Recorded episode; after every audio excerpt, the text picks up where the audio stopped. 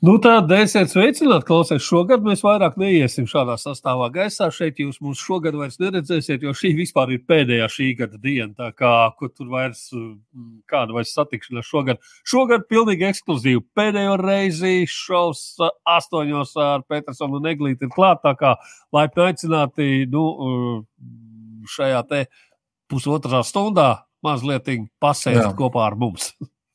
Mēs neesam joprojām iemācījušies, kā pareizi eglītis Petersons vai Petersons eglītis. Mēs sākam viens otram komplimentēt, jo es vienmēr tevi saucu pirmo, tu vienmēr mani. Nu, tas ja? ir patīkami. Jau, kā jūs redzat, mēs mēs ar eglīti arī esam uz, sapucējušies, vai ne? Kā jau pienāks. Kā pienākās, sagaidot, jā, jā, sagaidot jauno gadu, protams, ka nē. Nu, kāda uzpucēšanās, nu, kas tas tāds ir? Tāpat viss sēž nu, mājās, pulcēties nedrīkst, neko nevar. Pašvaldībām šito uguņošanu aizlieg, aizliedz. Tā kā mums jāstiek ar tiem zemajiem salūtiem, ko mēs pagājušajā ar to blūzi runājām, tādiem zemiem, zemiem, prātīgiem salūtiņiem, lai kaimiņi neredz, nu tā augstāk par žogu nešaujiet. Ja? Jā, un uh, vēl vislabāk ir brīnums vecīt, lai tad jums vienkārši nevar pārmest naudas tērēšanu.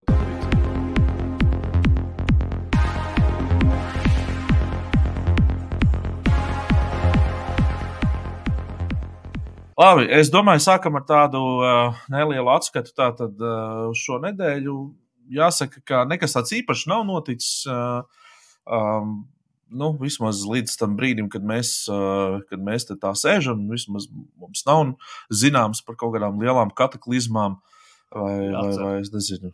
Jā, vai kaut kā tā. Nu, tā kā cerēsim, ka esam izšļūkuši. Uh, viens gan, kas parādījās uh, sociālajos tīklos un internetos, bija uh, kārtējais sievu draugs sitējs. Uh, jā, kundziņš uh, jauns gados, um, bet nu, pēc dabas bravūrīgs, es tā saprotu, pret, uh, pret, um, pret jaunkundzēm uh, nevienu vienu, kas kā, kā, kā tur tiek minēts un kā uh, interneta zinātāji zina teikt. Um, Es vienīgais, ko varu par pie šī piebilst, droši vien Edgars ar kaut kas būs sakāms, bet uh, pilnīgi droši uh, meitenes, dāmas, jaunkundzes, kundzes, uh, ziņojiet, rakstiet, rakstiet Twitteros, rakstiet Facebookos, atklājiet viņu sejus, atklājiet viņu vārdus. Uh, visi, visi, visi uh, kas uh, ir ar vardarbību pret bērniem, izturās vardarbīgi pret savām otrajām pusēm un visiem pārējiem, kā saka, arī mājdzīvniekiem un tā tālāk. Ieskaitot visi, ir pelnījuši tikt uh, šajā listē, vārds, uzvārds, fotografija pretī, lai mēs redzam, kas tie tādi ir. Tātad, nu, es domāju, mēs reglīt, kā, kā vīrieši, esam pilnīgi ieinteresēti tajā, lai, saka, mūsu sugas uh, uh, kā, kā viņi Lai mūsu suga netiktu izblamēta. jā, jā, jā, jā. Pietiek jau tas, ka tas Džekings savā laikā ir bijis no Satori, un es tā pabrīnojos, o, oh, Satori. Satori jau tāds tā kā liberāstu pasākums ir. Šim jau vairāk tādas tradicionālās vērtības, tad varbūt viņam uz telos jāpāriet vai kā. Zini kā, zini kā, bet viņš jau no tiem Satori ir izmests. Viņš jau tur ir pirms diviem gadiem sabeidzis.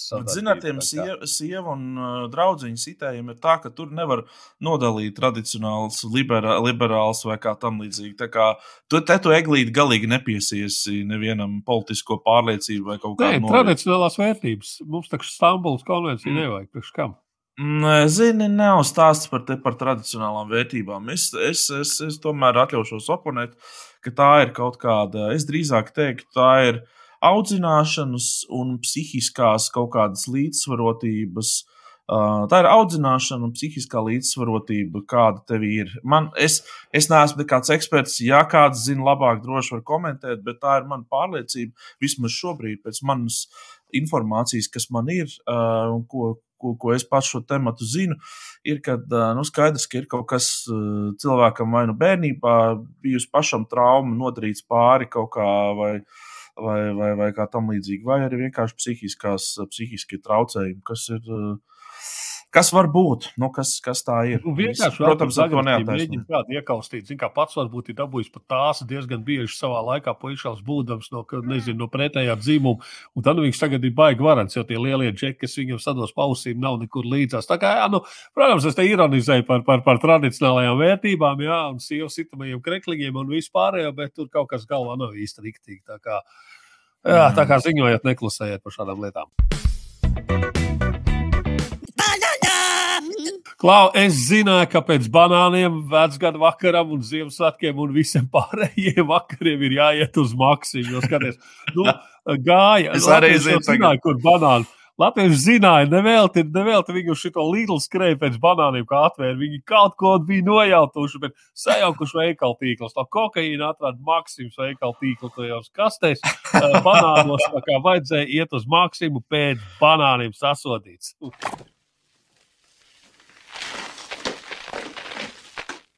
Kokainum, Kāda ir tava teorija par to, kā viņi tur iemaldījās? Kokainum, tajos, eh, tajos banānos? Kā, kā, kā tu domā, kā tas vispār varēja tehniski notikt? Kaut kāda kļūda loģistikā vai speciāli? Vai... domāju, ka nu, kļūda loģistikā varētu būt. Nu, kas tev vajag speciāli tagad? Vai pakāsīsim tur entās, eh, entās kilogramus? kokainum, jo tas ir baigais cipars, vai ne? Pakāsīsim, lai kaut kāda veikala iegās. Visticamāk, ka tur, kurā Kolumbijā vai kur viņi tur Afganistānā, kur viņi tur pakoja visu to, vai viņi atšķir, vai tā, kas tas pa veikalu tīklu, kas tas pa uzrakstu virsmu. Nu, kaut kādās kastēs kaut ko salika, nu, kamēr no turienes līdz šejienei atbrauc. Ne jau no legālā šķirotavā kaut kādā milzīgā tādā, uh, tiksim, uzņēmumā, nezinu, kas šķiro sūtījums un tā tālāk, noliktavās kaut kur brauc ar savu šito mm, elektrokārīgu pastāstu kompītī. Ah, oh, 160 kg. kokainum, Jā, jā, jā, tas ir jāpaņem. Un mēs ņemam no šī kā plaukta. Nu, nē, nu, protams, ka tur kaut kur, tiksim, latviešu sakot, muhļījot visādos veidos sapinās meistarībā. Jā. Un kaut ko ne tur nosūtīt. Tā kā, jā, bet, nu, Man- man teorija- ja kāds būtu nopircis reāli veikalā to.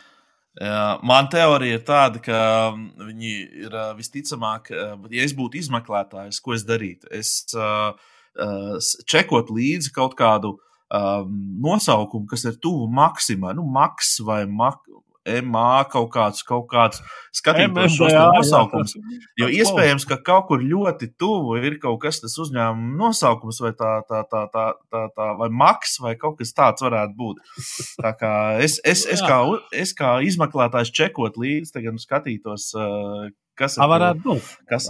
Nu, tā kā jā, tur saka, šitā krauja maksā, Paša- šitā maksimum, ja šitā ir maksimum, šitā ir maksimum, šitā ir maksimum, jā, šitā maksimum. A, ko viņš tur tas uh, saņotājs zina? Viņš tur par dolāru mēnesī saņot kokainum, visu mūžu. Nu, nu, viņš man ir maksimums, ir maksimums, nu viss, nu, ko tik tālu viņš. Viss, nu, kāda starpība, kur sūtīt maksimum ir. Principā, ir, nu, mēs varam secināt tā, ka sūtīja maksimum, bet atsūtīja maksimai. Nu, sūdīgi. Nu, gadījumā. Sa- Jā, gadās. Esiet uzmanīgi sūtījumos un uh, norādiet precīzi adresi. Ziniet, kā tajā populārajā memē, ka ir atšķirības starp Santa, Satanu un Santana. Jā, nu, kaut kas tāds. jā, jā, jā, jā. Es nezinu, vai tu uh, pamanīji to, ka elektrības un gāzes cenas ir kāpušas. Tu esi pamanījis tā vispār? Jā, vēl nē. Nē, nu, jā. kā sarunāt par elektrību, es nezinu. Es zinu, ka ir cēlus, bet es jau baigi neesmu to izjūtis. Nav tā, ka es rūpnieciskos apmēros patērēju, bet nu, gan jau. jā, sakot, tu neesi izmests uz ielas vēl, jā? Es neesmu vēl, ne, jo es kurinu savu krāsnīgi ar savu malciņu. Ļoti pareizi ar, ar saviem atkritumiem. saviem Kā saka, mēs atkritumiem, katrs jā. savus atkritumus nedzinām.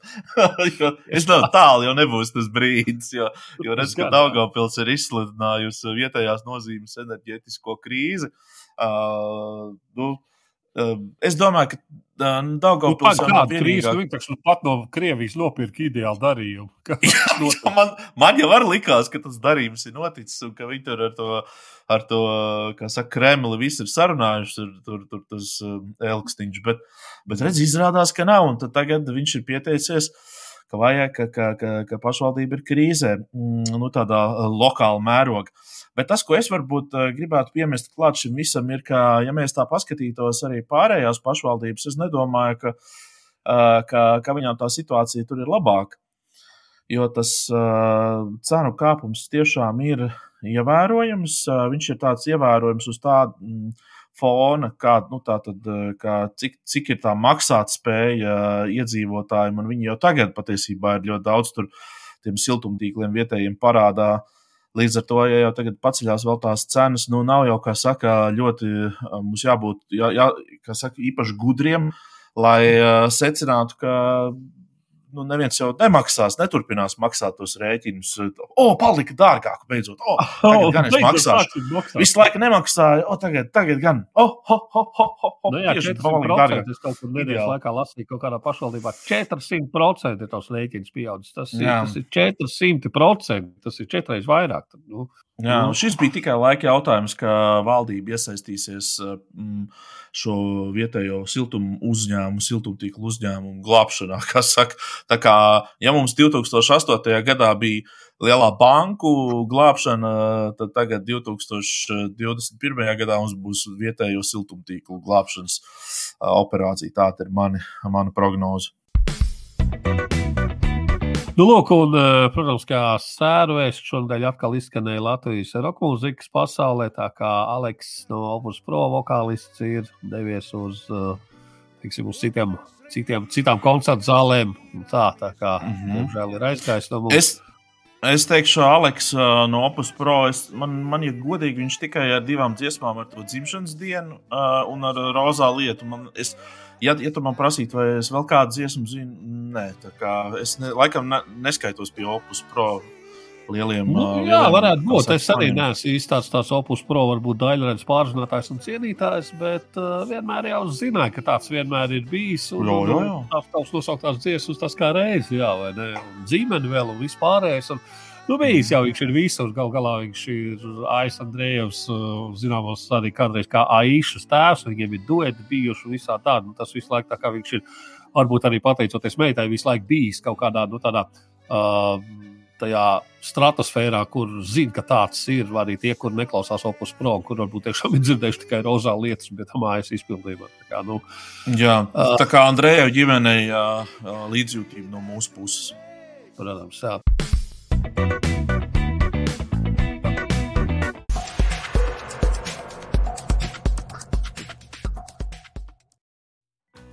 Un te nu ir tas solītais segments ar mūsu viesiem. Oskars neuzkavēsies šeit tā īsu brīdi. Oskars būs mazliet garāku brīdi pie mums šodien. Čau, Oskar! Čau, čau, čau. Čau! Tas ir, viesi, tas ir mūsu priekšnieks. Mēs Mums priekšnieka nav. Man nekādu priekšnieku nav. Mēs vienmēr vainu noveļam uz citiem, un Oskars tas, kurš saka, mums priekšnieka nav. Jā. Tā arī ir. Kā tu jūties? Kā tu jūties, Oskar? Labi, labi, kopumā ir forši, ir vecgada, vecgada tā teikt, noslēgums un ir tāds apcerīgāks noskaņojums par to, kas ir izdarīts un kas nav izdarīts. Un tad ir tāds, nu, tās emocijas mainās mazliet tā kā tādi omikrona viļņi. Tur nevar saprast. Nu, O, labi, jā. labi. daudz, daudz kas nav izdarīts vispār. Kā ir? Nu, jā, jo saprotu, tad, kad uh, nu, ir tāds teiciens, ka cilvēks pārvērtē to, ko viņš var izdarīt uh, nu, tur, uh, no serijas nākamā mēneša laikā, un, un nepietiekami novērtē, ko viņš var izdarīt nākamās piecgadus laikā. Un tad ir tā kaut kā retrospektīvi, vienmēr tu atskatoties, tad šķiet, bāc, nu, šo projektu jau nu, šogad vajadzēja izkustināt un padarīt un pabeigt, ja, un nav izdarīts. Un ir kaut kādas lietas, kas ir izdarītas. Tas ir, nu, tas, tas, man liekas, tas gadu mīs moments ir tāds, ka tu esi tāds varbūt arī atklātāks un godīgāks pret sevi. Un, nu, nu, jā, O, jā. Tad, O, jā. nu, jā. Nu, tā pērta. Tad Nu, jūs man saprotat, es domāju. Nu, man tas izklausās, ka tu saki, es sagrābos vairāk darbus, nekā es spēju izdarīt, un tāpēc es tāds apcerīgs gadu nogalē esmu. jā, jā, jā. jā. Nu, es teiktu, uzmanību iespējams pārāk sadalīta uz vairākām lietām, nekā nu, skaitliski vairākām nekā vajadzētu.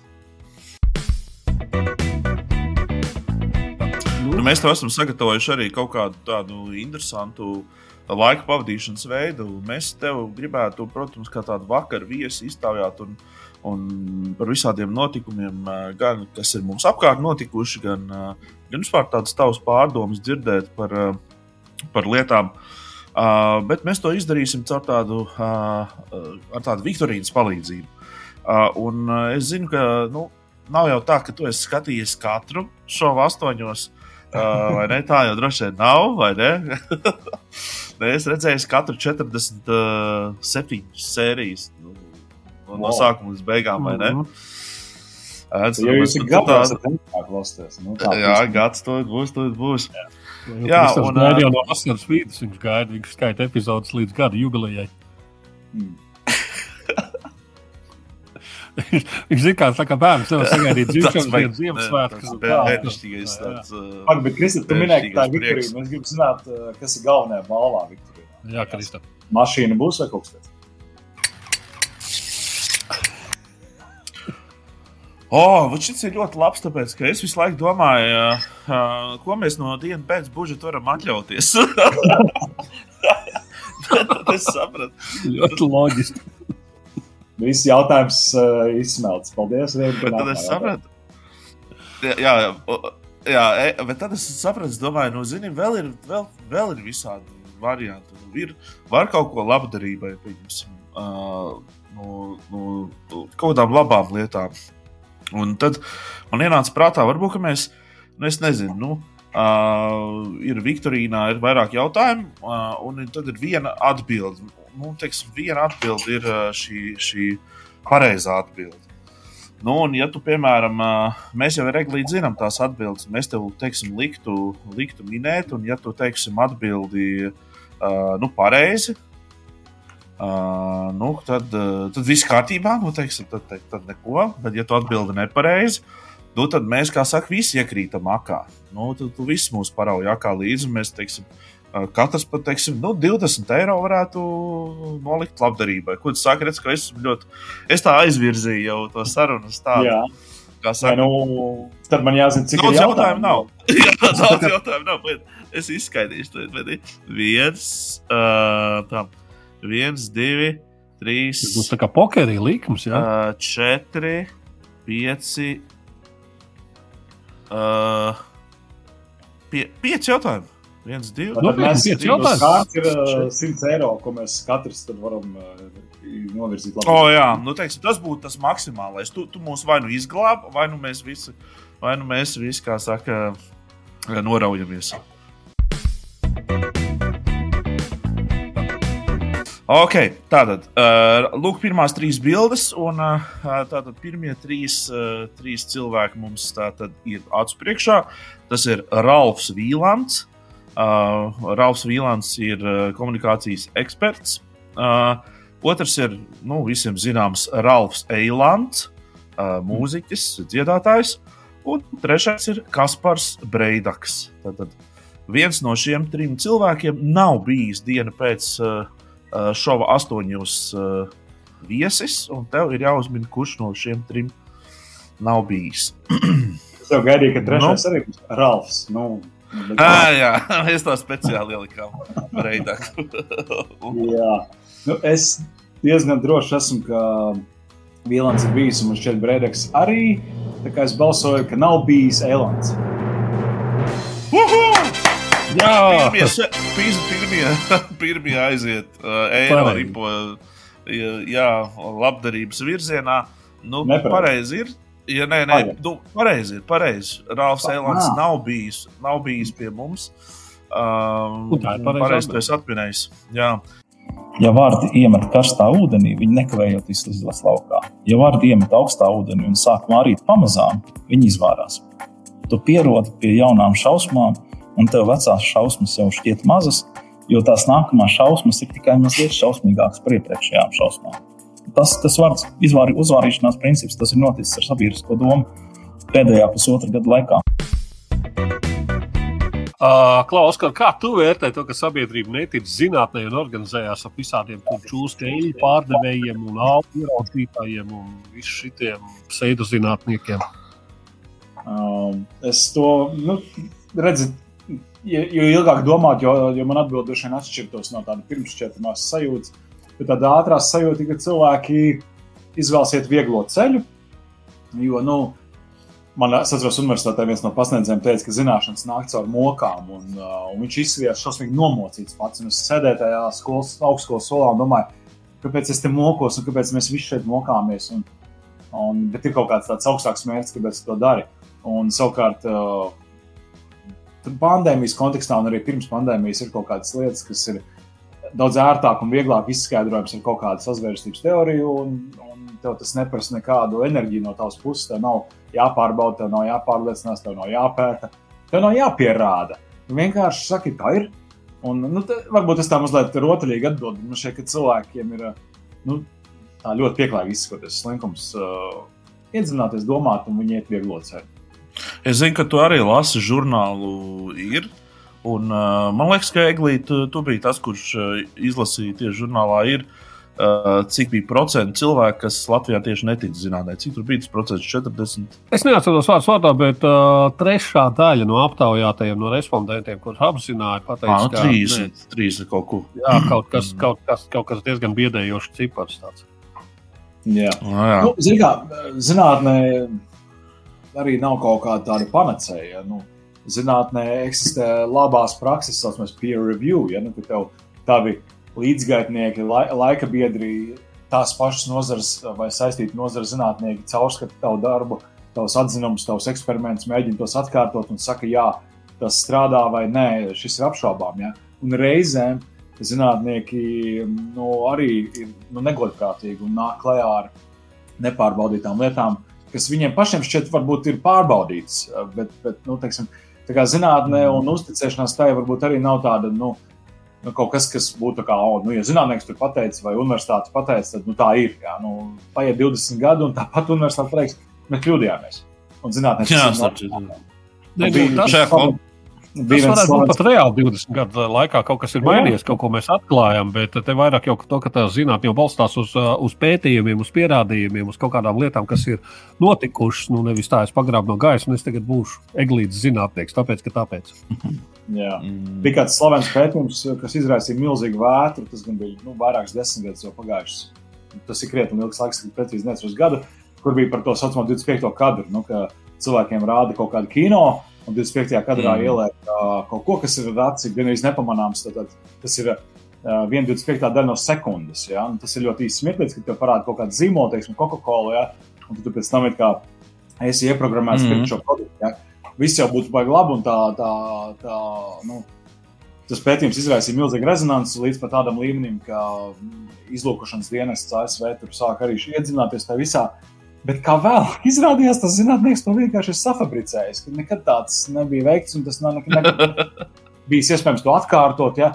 Tā kā Reizēm ar zinātnē ir tā, ka tas izraisa varbūt ļoti lielu nu, kaut kādu atsaucību noteiktās aprindās, un beigās izrādās, ka tas nav fakts. Tāpēc es kaut kur saprotu skeptiķus, kas saka, nu, es neuzticos zinātnē, bet, nu, protams, ka tad, kamēr nekas labāks nav izgudrots, tad, nu, jā.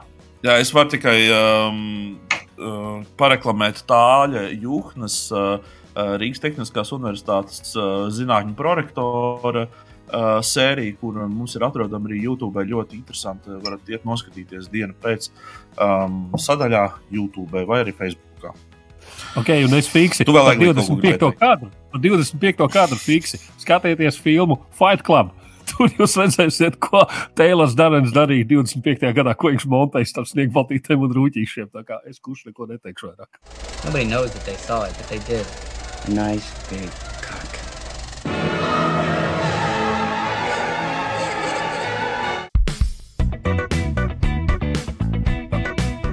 Jūs 20 minūtes pirms sēta principā atgriezāties. Sapratāt, ka jūs esat divas nedēļas visu garām izdarījuši. Jā? Nē, nu, mēs, mēs vienkārši sapratām, ka ir palaists garām kaut kas ļoti, ļoti būtisks. Ir, ir superīgi priekšnesumi, ir, ir, protams, pelnītas balvas, ir cerības, ir vēl kaut kas, ir mūsu humors. Bet kas ir tas pats, pats pamats, ko mēs gribam iedot? Un, un mums bija tāds uh, domu galda tenisa mačs ar viņu tur. Mēs katrs kaut ko metam, un, un Daugus baigi forši nogremdēja beigās, pasakot, mums ir jāmēģina par katru cenu katrās mājās par spīti apstākļiem ienest prieku.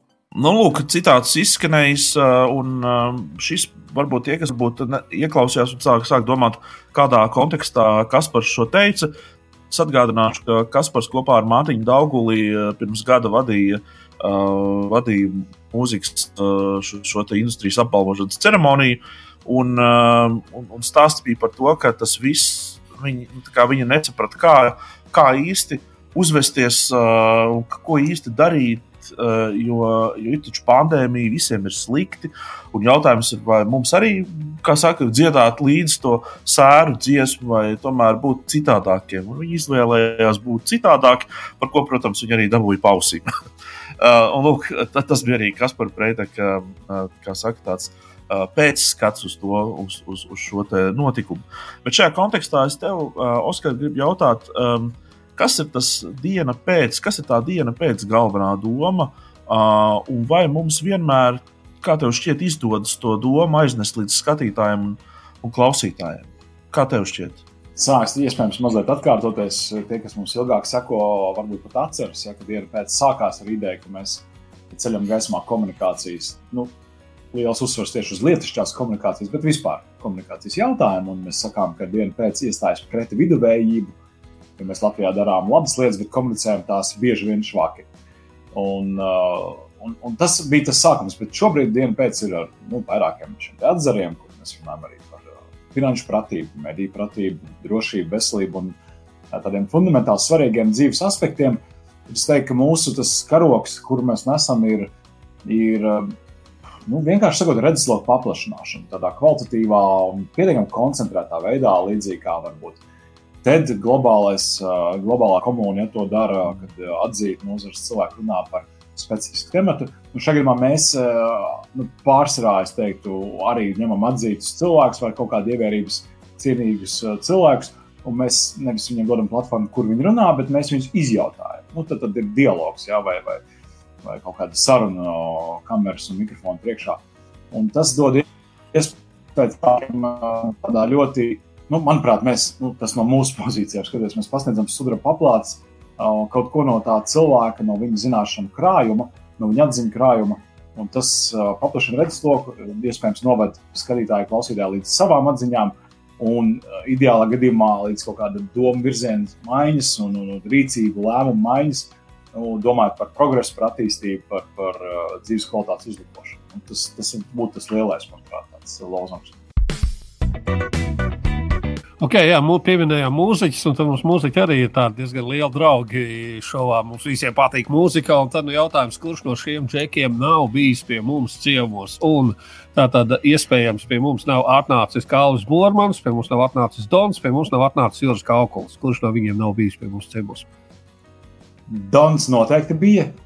Uh, par kaukuli nezinu, no to pirmā čalas neesmu dzirdējis. Uh, tādu vārdu uzvārdu. Es zinu, ka man šobrīd viņa fani nolādē. Tagad, jā, bet, uh, nu,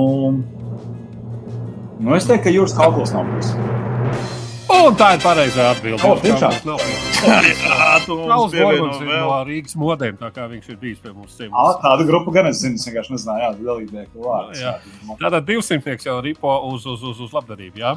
Nu, nē, Jā, tāds- 120, 120, 120, 60 un 60. Jā, jā, jā. jā, Jā, jā, atsakoju, jā. 60, 60. Ah, solis ir 120.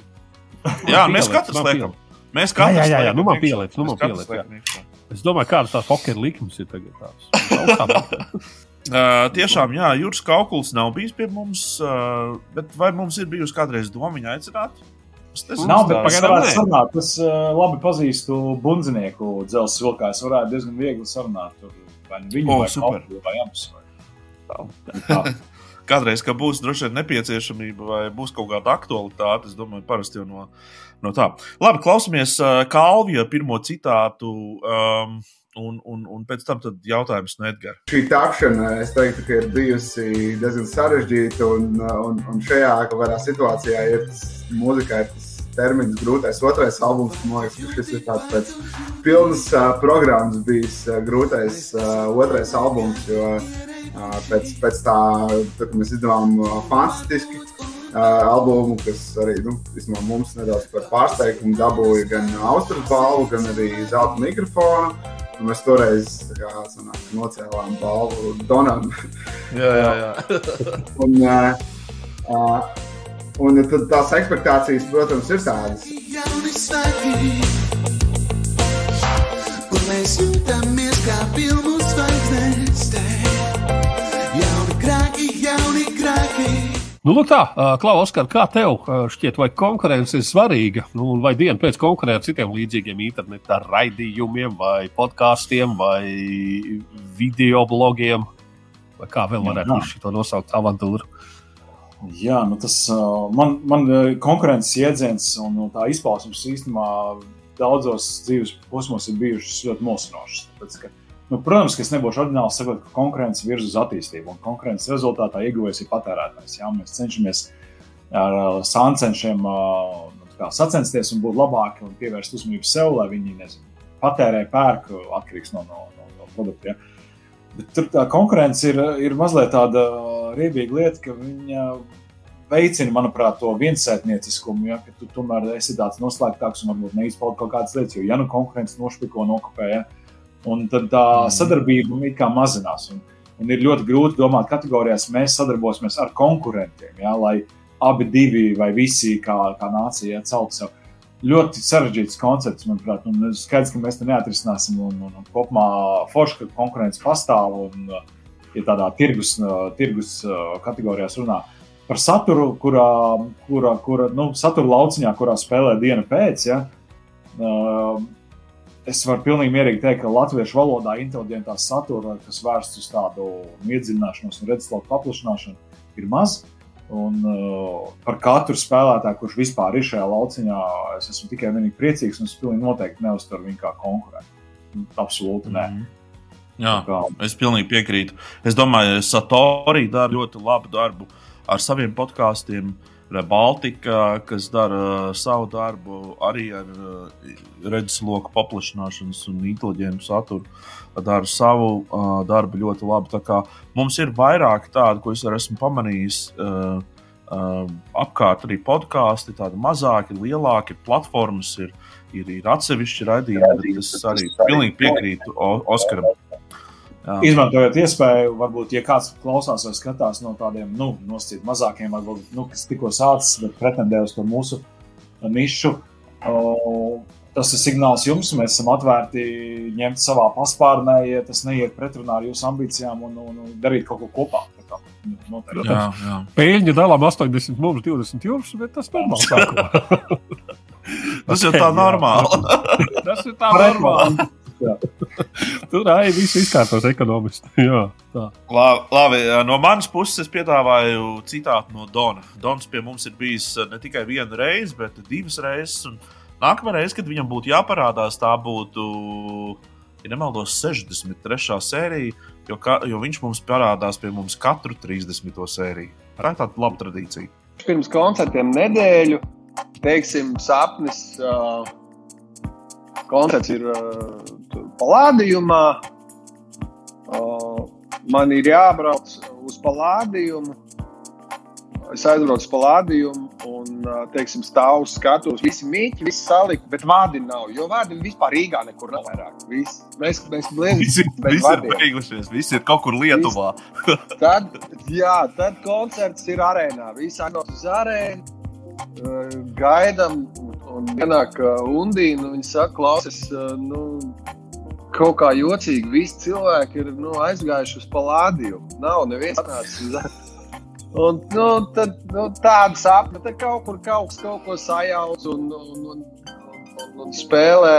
Un, nu, tā jau ir tāda klasika pirms koncerta. Tie ir visstresainākie sapņi pamatā. Jā. Nu, lūk, Dons runā par sapņiem, un jautājums arī tev par sapņiem. Kas ir tavi lielākie murgi sapņi, ko var atklāt? Oh. Oh. Negaidīgi.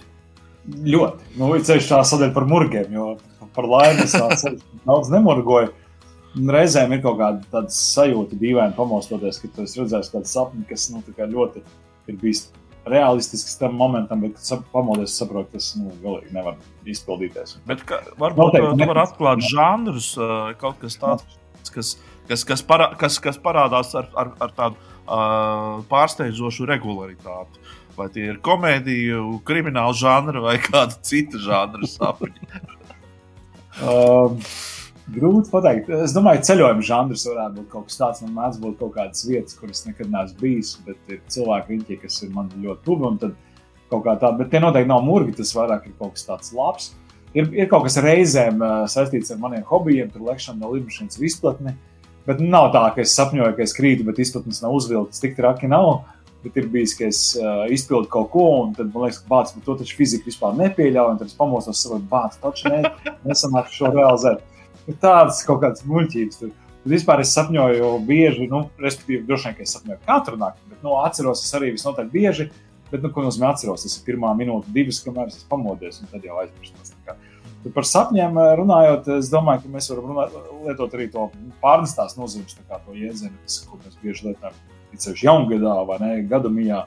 par kaut kādiem tālākiem sapņiem.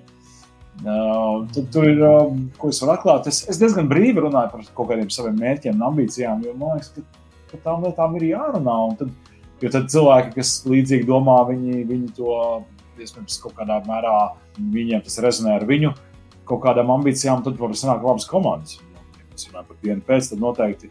Un Kristaps neļaus samelot, mums ir liela plāna attiecībā uz uh, savu studiju. Un es ļoti ceru, ka 22. gadā šo sapni mēs varēsim realizēt, kad mums būs sava vieta, birojas, kur cilvēki varēs nākt un mēs varēsim būt un varēsim profesionāli filmēt. Jo šobrīd mēs, mēs, tā, nu, mēs tādi rentnieki, ne, kā viņas sauc, nu, kas tur vazājās riņķī ar, ar čempionu. Kā čigāni, kā čigāni, kas staigā no sētas uz sētu. Kā jā. Ka tāds ir 22. gada lielais sapnis, diena pēc studiju, diena pēc birojas, autoru kolektīvs, elastīgākā, nu, zin kā ir tīrē studija, tas ir noteikts datums, tur iepriekš labi zināms, bet, ja tev ir savs studija, tu vari vienkārši ieslēgt kameru, ielikt atmiņas kartu un sākt radīt saturu. Ai, ka es redzu, tur ir iespējas, kur murgot un murgot. Un neaizslēdz studiju, nekas vairs nav aizējis studiju, nekā nav. Atnācis viesis, es aizmirsu, ka viesim ir jābūt. Es sēžu apenēs, viesis ir atnācis. Ko man tagad arī tur būs? Kā, Ko tu dari studijā apenēs? Nu, Zini, kā tu, kā tu esi pieredzējis visu laiku mājās, mēs tagad sēžam, kā mēs sēžam. Kā, ko mēs zinām, kā mēs sēžam tagad pie ekrāniem. Klātienē es ceru, ka mazliet atgriezīsies vairāk nākamajā gadā. Nu, tad mēs atļaujamies, mēs saņemamies uzaicināt kādu dāmu pie mums paviesoties. Un jautājums, kur no viņām uh, atkal nav bijusi pie mums? Un tagad saturies, viņas visas ir liels slavenības. Es nezinu, kā vai tu zini. Uh, Gunta Liepiņa Millere, Elza Lēmane vai Ieva Rācene. Kur no šīm dāmām nav bijusi pie mums? Šovā Visi trīs dejotājs. Visi Es tad iešu padomāt, jā? Labi. Ai! Nu, ko es varu teikt? Nu, variants numur viens. Nu, es nezinu. Nu, es ne, teikšu, godīgi, es nezinu. Es minu. Variants numur viens. Tu lietas uz to, ka tā varētu būt Gunta Liepiņa Miller, kur nav bijusi pie mums. Jā. Ai, diemžēl, nē, Gunta ir bijusi pie mums. Gunta ir bijusi pie mums, Elza Leimana nav bijusi. Jā, nu, nekas. Choreogrāfa. Šobrīd dzīvo Amerikā. Ieva Rācena ir no Latvijas Nacionālās operas balets solists. Elza nav pie mums bijusi ciemos. Pagaidām. Jā. Elza, Elza, ir, jā, Elza droši vien arī ir zināmākais vārds. Nu, tāds, es domāju, presē, mēdījos uz skatuves un tā tālāk. Bet, bet nu, kas zina, red, ka mums ir, kā saka, dejotāju un balerīnu tradīcija iestrādājusies. Es domāju, Elza, mēs arī kādā brīdī varētu aicināt. Labi, teiksim tā, citāts pirmais ir no, no, no Guntas liepiņas, klausāmies, un tad paturpināsim to tematu par sapņiem. Ja man tā būtu ja jājautā par to pavērsienu punktu pie laikmatīgās dēļas, kas tev pievērsa un tevi kā, uh, mudināja uz to? Jo, nu, teiksim, no kuldīgas, nu, tas tā Ir tā īstenībā tā interesanti, jo mana istaba, kuldīgā, tepat aiz sienas pie mammas, viņa tagad nav mainījusies kopš 9. klases. Tur ir tāda sapņu siena, man vēl tur bildītas un visādas tādas. Viss tas, kas mazai Guntijai 16 gados tā kā likās tā sapnīgi, viss tur ir palicies pie sienām, kas ir ļoti tā interesanti, mazliet tā kā seriāli atgriezties te un tā kā uzmest acis tajā sienā un zin, ka, zin, ka tā, tā forši kaut kā tas viss diezgan, diezgan ir, ir, ir izveidojies. Šī ir tā dāma, Oskar, kas, uh, ko tu domā, kas nav bijusi pie mums. Nu, lūk, uh, Klau, uh, vai tev ir bijusi kaut kāda sapņu siena, vai tavu bērnības sapņi par sevi ir nu, tikšin, piepildījušies šajā dienā, šodien, kaut kā šajā laikā? Jā, Jā vēlreiz lūdzu jautājumu. Es biju izgājis. Tu biji izgājis. Vai tev ir bijusi kaut kāda sapņu siena, nu, vai tavu bērnības sapņi ir piepildījušies? Ah, sapņu siena, tu domā, kā Par sevi. Nu, tā kā tu pie, es nezinu, tā kā, tā kā krimiķos tu spraudi plānu A, B, C, D. Jā, jā, sapratu. Nu, man bija, man, man nodega, nē, es sākšu vēl agrāk. Es braucu ar vienu automobīlu, un tad man ļoti gribējās nākamo modeli. Un, bet, nē, es domāju, nē, nu, es gribētu pat aiznākamo modeli, un tagad vēl jaunāku. Un, un baigi dārgs. un Es domāju, bāc, nu, uzstādīšu mērķi, un es uzlieku cipu, nu, nu iz, iz- izdrukāju fotografiju, tās automašīnas, nu, ne konkrētās, bet vispār tā modeļa, uzrakstīja gada skaitli 2016. Un, eh, un, un noliks jau redzamā vietā, kabinetā. Un, eh, tās mašīnas pie tādas mašīnas tika divas gadus ātrāk, jo man tā iepriekšējā mašīna nodega. Un tad man bija tā dilemma, nu, tā kā, nu, tas ir 14. gadā, man tā mašīna nodega. Es domāju, nu, vajag jaunu mašīnu. Es domāju, nopirkt kaut kādu no serijas otro golfu par 300 eiro. Un tad, nu, tā kā iet uz to mērķi, vai, un, kaut kā sanāca, ka iekrīt rokās eh, ļoti labs darījums, cenas. Un, un es tiku pie tās kārotās automašīnas divas gadus ātrāk nekā es to biju plānojis. Un es domāju, šī tā lieta strādā, tas kosmoss tur piespēlēja man. Par pašu ir kaut kādas bijušas lietas uh, kontekstā ar izglītību, kad es noteikti virzienu uzņēmu un ļoti precīzi izpildu to, ko es plānoju. Nu, piemēram, kad es iestājos Tehniskajā universitātē, bakalauros es jau zināju, ka es studēšu maģistros, jo kas ir tas bakalaurs tāds pusizcepts vai ne, tā man šķita, es nezinu, vai tā ir. Un tas pabeidz tos maģistrus, un, un pirms maģistrus pabeigt uh, inženieru uh, jomā es izdomāju, ka es gribēšu otru maģistru biznesa vadības jomā. Un, eh, bet es paņemšu pauzi, un tā arī bija. Es paņēmu četru gadu pauzi, un pēc četriem gadiem iestājos galvenā maģistrantūrā un to pabeidzu. Man bija pilnīgi, nu, tā kā katru, nu, visā tajā garajā posmā, pilnīgi skaidrs, ka es to darīšu, un tas vispār nebija, un pat nebija uz sienas tas jālāk. Tas kaut kā tāds, tāda sevis ieprogrammēšana labā nozīmē. Tagad es domāju, vai man ir tik labi saprogrammētas uh, lietas, tik precīzi. Nu, šķiet, ka mazāk. Un varbūt tas arī ir tas apcerīgā noskaņojuma iemesls tagad gadu mīru. Vēl viena lieta, ko es varu izstāstīt uh, saistībā ar gadu mīru, mūsu viens no dienas pēc autoriem, Kaspars Mendels, kurš ir uh, redzams dienu pēc veselība rubrikā šad un tad. Viņš šai rītā organizē ļoti interesantu pasākumu, nosaucot par Vision Board, kad tu burtiski fiziski līmē tad, tad žurnālu un avīžu izgriezumus, attēlus, pārstrādā varbūt arī tekstus un taisa to savu nerādīšanu, ko es uztaisīju tas stipri personisks sarāds. Ja? Bet uh, tad tu saliec kā, vīziju par to, ko tu gribi sasniegt nu, nākamajā gadā. Es domāju, ka vēl pēc gada satiekoties, varēšu jums izstāstīt, vai tas ir nostrādājis. Nu, Klau, nu es ceru, ka tie nebija kaut kādi privātās dzīves un zeltainā preses izdevumi, no kāda lika kopā. Nevar teikt. Nu, zini, jaunu brūci es noskatījos no zeltainās preses. Nevar zināt. Nevar zināt mums patiesībā ir ļoti, ļoti uh, smukas visām tās kājiņas. Ir. Nav tā, ka tur asinis šķīst un, nezinu, tūlznas šitādas.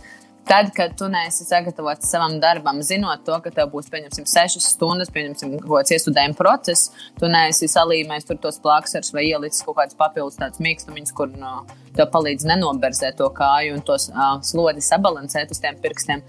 Tad viss ir kārtībā. Ja tu esi aizmirsis vai bijis paviršs kaut kur, tad, protams, lūdzu, tev tūlzna un pēc tam visu nedēļu vēl ciet, un tad būs tās asins, Princip... un tad būs viss pārējais. Principā tas ir paviršu darba rezultāts. Es domāju, jā, jā, attieksmes, jā. jā. Labi, nu, šis bija citāts no Ievas Rācenes. Un šajā kontekstā jautājums tev, Oskar, ko tavā ikdienā un darbā nozīmē sagatavoties visam pilnīgi un precīzi? Būt, kā saka, perfekcionistam. Jā, un šis ir jautājums, es varu tā mazliet apspēlēt, ko es arī diezgan bieži saņemu no cilvēkiem, ar kuriem strādāju, kas grib attīstīt publisko runu un veiksmīgāk noprezentēt ko, kaut ko kādā sapulcē vai, vai konferencē vai intervijā.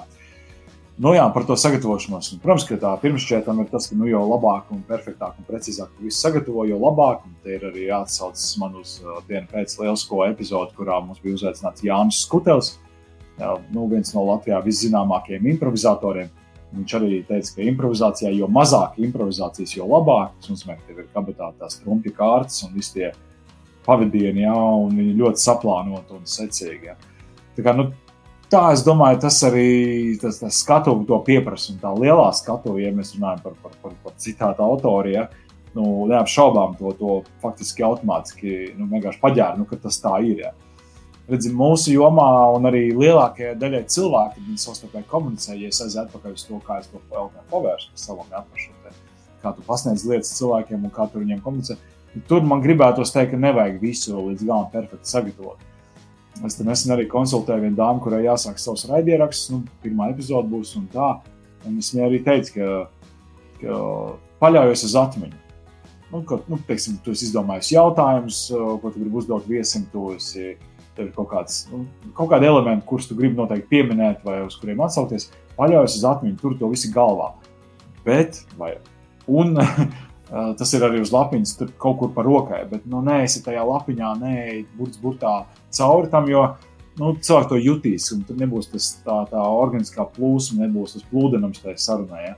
Foršāk ir tomēr, ka tu esi dabisks un iespējams tur mazliet jāpadomā, lai atcerētos to nākamo lietu, ko tu gribēji pavaicāt. Bet tas ir nu, kaut kāds tāds, un tas ir pretrunā, es domāju, ar lielās skatuves un šovu biznesa un, un baletu un visām teātras skatuvēm, kur tomēr nu, tas tā aktieru pozīcija, leņķis pret skatītāju, nezinu, mm. prožektoru un, un mikrofonu ir nu, super svarīgs. Ja? Tur improvizācija ir maz vietas. Tur jāstāsta konteksts. Es vairāk esmu par to, ka tev ir pamatrāmis skaidrs, bet, eh, bet tu ļauj sev tomēr nu, kaut kur bišķiņ arī to, to peldēšanu apkārt. Bet kaut kur, lai par rokai ja peld, tad ir forši, ja par rokai glābšanas viņas. Tas ir tas kaut kāds eh, uzmetums saraksts. Oi, manuprāt, ļoti labi atbild. Tiešām, tiešām tā, jā, kā saka, vērts aizdomāties daudziem, kas patiesībā ķer, es teikšu, ķer paniku par lietām, kuras eh, viņi nevar ietekmēt, vai ne? Un, uh, un, un, un visi šīs te, šie jautājumi, kas patiesībā daudzus izdedzina. Tāpēc, mm. viņi tiecās uz kaut kādu perfektumu, kas īstenībā pirmkārt nav īsti sasniedzams ja, viņu profesijā, vai viņu, un arī nav vajadzīgs. Neviens no viņiem to nekad nav gaidījis un negaida. Mēs paši uzstādām kaut kādas dīvainas sēdes apkārt savām. Ne? Lūk, ceturtais, ceturtais pēc jautājums mums vēl divi ir palikuši. Tātad ceturtais ir tāds, tātad reku bildes atkal, un kurš no šiem kungiem vai, vai vīriešiem nav bijis pie mums ciemos. Tātad pirmais attēlā tu redzi ir Pauls Timrots, auto, autožurnālists. Um, es zinu, ka tu zini, ka viņš ir bijis pie mums dienu pēc, bet vai viņš ir bijis dienu pēc šova astoņos vai ne? Tad otrs uh, ir, uh, ir Krīvēns, Jānis, jeb Krīvenčī. Uh, kas, kas Jānis skaitās, Eglīte palīdz. Ietekmēlis viņš ir influenceris. Es pat nezinu, kas viņš tagad skaitās. Singapūras satāns. Jā, dzīves baudītājs. Dzīves baudītājs, saksim tā. Jā. jā. Nu, trešais ir ne, ne mazāks dzīves baudītājs Edgars Bāliņš, komiķis un arī no Singapūras satīna. Kā, man liekas, Paulam Timbrotam arī šeit ir jāizstājās Singapūras satīnā. Kurš nav bijis pie mums? Jā, tas jau. Mums, ka Krīvēns ir bijis. Bāliņš, nezinu, Timbrots, jā, ar to Timbrotu. Protams, ka es atceros diezgan spilgti, es atceros viņa epizodi dienā pēc, jo jā. pēc tam mums tur bija vesela Vētra ūdens glāzē par to, ka viņš ebrejs nosauc par žīdiem. Un, tas, un es šeit citēju, es, ka ebrejs tā ir jāsauc. Ja? Jā, jā, jā. jā. Tur bija tā atsevišķa epizode, bet uztepā, kur mēs pēc tam izjautājām ebreju kopienas pārstāvi un, un, un vēsturnieku. Ja? Un kā viņš uz to skatās, un kā viņš pamato, ka tomēr tas nav. Tā kā, protams, es atceros, ka Timrods bija, viņš bija šo vasarā. Es teiktu, nē, Timrods nav. Ah, oh, tā ir pareizā okay. atbilde. Tā, oh. Tas trāpījis, tas trāpījis ļoti labi. Nu, skaties, 180 eiro jau mums ir savākušies. Tas ir skaisti. Es visu iegrāmatoju. ļoti labi, ļoti labi. Nu, ko, tad pirmo atskaņojam Krīvēnu.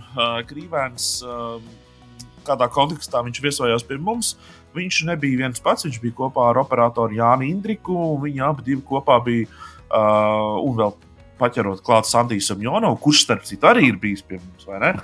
Uh, uh, viņi viņi uh, bija Bolīvijā un uh, filmēja šo seriālu par, par, par kokaīnu. Par kokas pēdām, jā.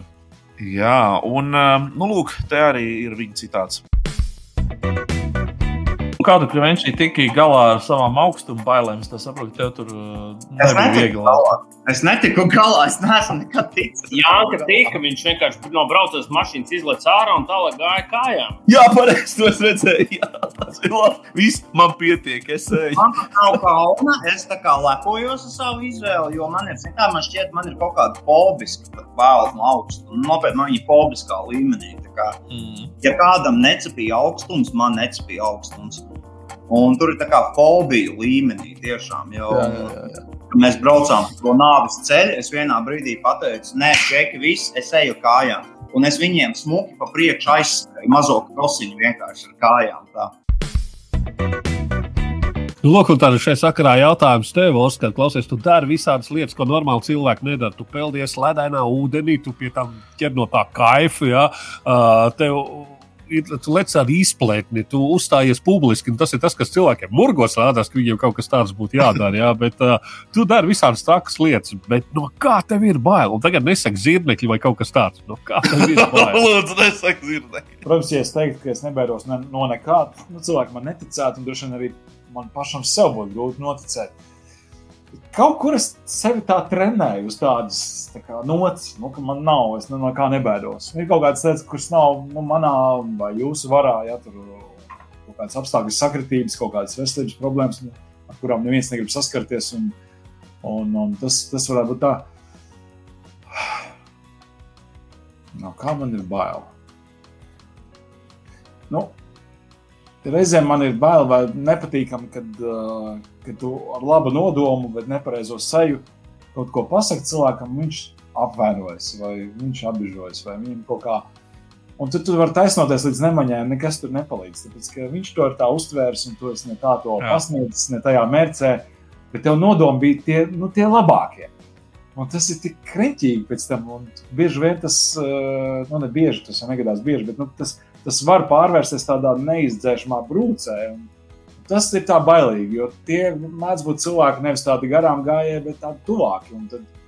Tas ir tā, tā nejauki. sanāk. Tas, Bet tas man- publiskajā runā īstenībā tu vari ar to pašu saskarties. Nu, tu jau īstenībā cilvēkus arī māci iziet no tādām situācijām, un tā it kā no vienas puses. Jā. Bet Nu. es, tev, es, jā, es, es domāju, ka es tev tā ziņā varētu piekrist, ka tas ir, tā, tā ir tāda lieta, no kā, no kā ir raustīšanās. Jā, Jā, un, tad, arī. tas, un tas noved pie tā, ka mēs kā sabiedrība labu gribēdam, kļūstam iespējams reizēm pārlieku politiski korekti, pārlieku frāžaini, pārlieku diplomātiski, un tad ir tāds kaut kāda muļāšanās. Un, un kā visi zina, ko viens otrs tur domā, bet, eh, bet tas netiek pateikts. Tad kaut kā tā. O, jā, par, šo, par šo vēl vienam mūsu viesim, Raimondam Platacim, ļoti daudz būtu ko teikt par politkorektumu. Tā kā Tur, nu, kādās viestās tas ir aizgājis mūsdienās. Tur vesels traktāts būtu visu vakaru garumā. Jā, nu es arī piekrītu, ir pat tālu. Jā, ir. Kas mums ir otrs, eh, kurš mums ir bijis ciemos no šiem kungiem, jau minētajiem, ir Edgars Bāliņš, komēdija Latvija, eh, viens no vadošajiem, man liekas, komiķiem. Un, uh, viņš ir arī mm, podkāstu bijis vaļā, eh, zināms, uh, dalībnieks un Singapūras satīns. Tā kā Delfī, viņam ir ļoti daudz visādas birkas, ko var karināt. Lielie Uh, muļķi, viņš ir mazais lielais muļķis. Viņš Mazais lielais muļķis. Uh, Jā. un, un, un, un, un starp citu, vēl kas ir, viņš ir, uh, man liekas, tāda, tāda es nezinu, Eglīte, varbūt piekritīs tāda pusoficiāla, pusneoficiāla, es nezinu, bet tāda Eirovīzijas seja Latvijā. Un, uh, Jā, un, jā, un- jā, jā. Viņš un- zina daudz vairāk par mani. Es brīnos, kā viņš to visu vispār var noklausīties. Es noklausos aizmirst, bet viņš ir jebkurā dienas laikā, jebkurā gada dienā kursā, par visu lietas kursā par visu, kas tur notiek. Tā kā Un jā. te nu ir viņa citāts. Tieši kamēr es biju Itālijā, tad noskaidroju, kurā pilsētā būs. Es pie viena paskatījos, ah, nu, cik tā maksā, teiksim, nu, hoteļi paņemt uz desmit dienām, nu, aizies uz Eirovīziju. Apmēram štuka dienā hotels maksā. Oh, nebūs dienā? klāt. Stūka dienā Jā, tas ir jā. tā nopietni. Tas ir, tas ir vēl viņiem lirās. Es ceru, ka viņiem tur vēl lirās iet, tā kā senos laikos. Nē, nē, nē, nu, tur tur sabrauc visa Eiropa, visi, visi, visi naudīgie šaubiznesa cilvēki, un tev viss arī pats ir attiecīgi tāds. Uh, tagad jautājums tev, Oskar. Uh, kā tev šķiet, uh, kam no Latvijas šogad būtu jābrauc uz Eirovīziju? Neviens vēl nav pieteicies, mēs vēl to nezinām, bet kur tu sūtītu uz Eirovīziju? Tev ir kaut kāda tāda, tāda kādreiz tāda uh, doma bijusi. Kāpēc, kāpēc šie, piemēram, nekad nebrauc? Viņi vinnētu. Es zinu, ka tev patīk šis jautājums. Es zinu. Nu tā, nu tā, tā, tā iedomājieties, no tevis ir atkarīgs. Visu Latviju gaida tagad. Kurš Jā. brauks uz Oh. Eirovīziju? And winner is... Jā, nu, es teiktu, nu, redz, es neesmu Eirovīzijas formātā fans, nu, ja runā par mūzikas žanru. ja runā par notikumu kā tādu, ko, nu, tas man šķiet ir ievērības cienīgs un atzīstams nu, kā tāds. Bet viņam pietrūkst, man šķiet, tāds. Um, um, Nu, kaut kādu tādu muzikālu pamatvērtību, tādu lietu, un es aizsūtīju šodien jau pieminēto dzelzceļa vilku. Man tevi uzkūpstīt pār pilsētu, kad, kad, kad lietus līst, lai līst, lai lietus līst, līst, līst, lai. Nu, lai jau ir, lai jau iegriež to balīti tādā roķīgā noskaņā, jo kaut kā viņš tāds pajēls, tas pasaules reizēm. Dzels vilks. Dzels Es vilks droši skaidrs. vien. Es droši vien tajā brīdī, kad dzels vilks tika aizsūtīts uz Eirovīziju, es skrietu ar galvu sienā no visa spēka. No visa spēka. Kāpēc? Es nezinu, es nezinu. Man, Nebūtu, man, ja. Nebūtu man, man, nē, tas nav mans. Es, es nezinu, man kaut kā. Es, uh, Nu, bet saprot, Eirovīzija jau nav. Eirovīzija nekad nav bijusi par mūziku. Eirovīzija ir par šovu, par, par, par, par, par taisnība, jaunāku jā, iegriež ballīti. Jā, jā, jā. Bet es skrietu ar galvu. Nu, ko Fobīns saka, klēģi baigos panākums atved mājās, kad aizbrauc. Liepā ir roka trīs akordi, nu, kā parādījām visiem, ne savu trīs akordu liepā ar roķi.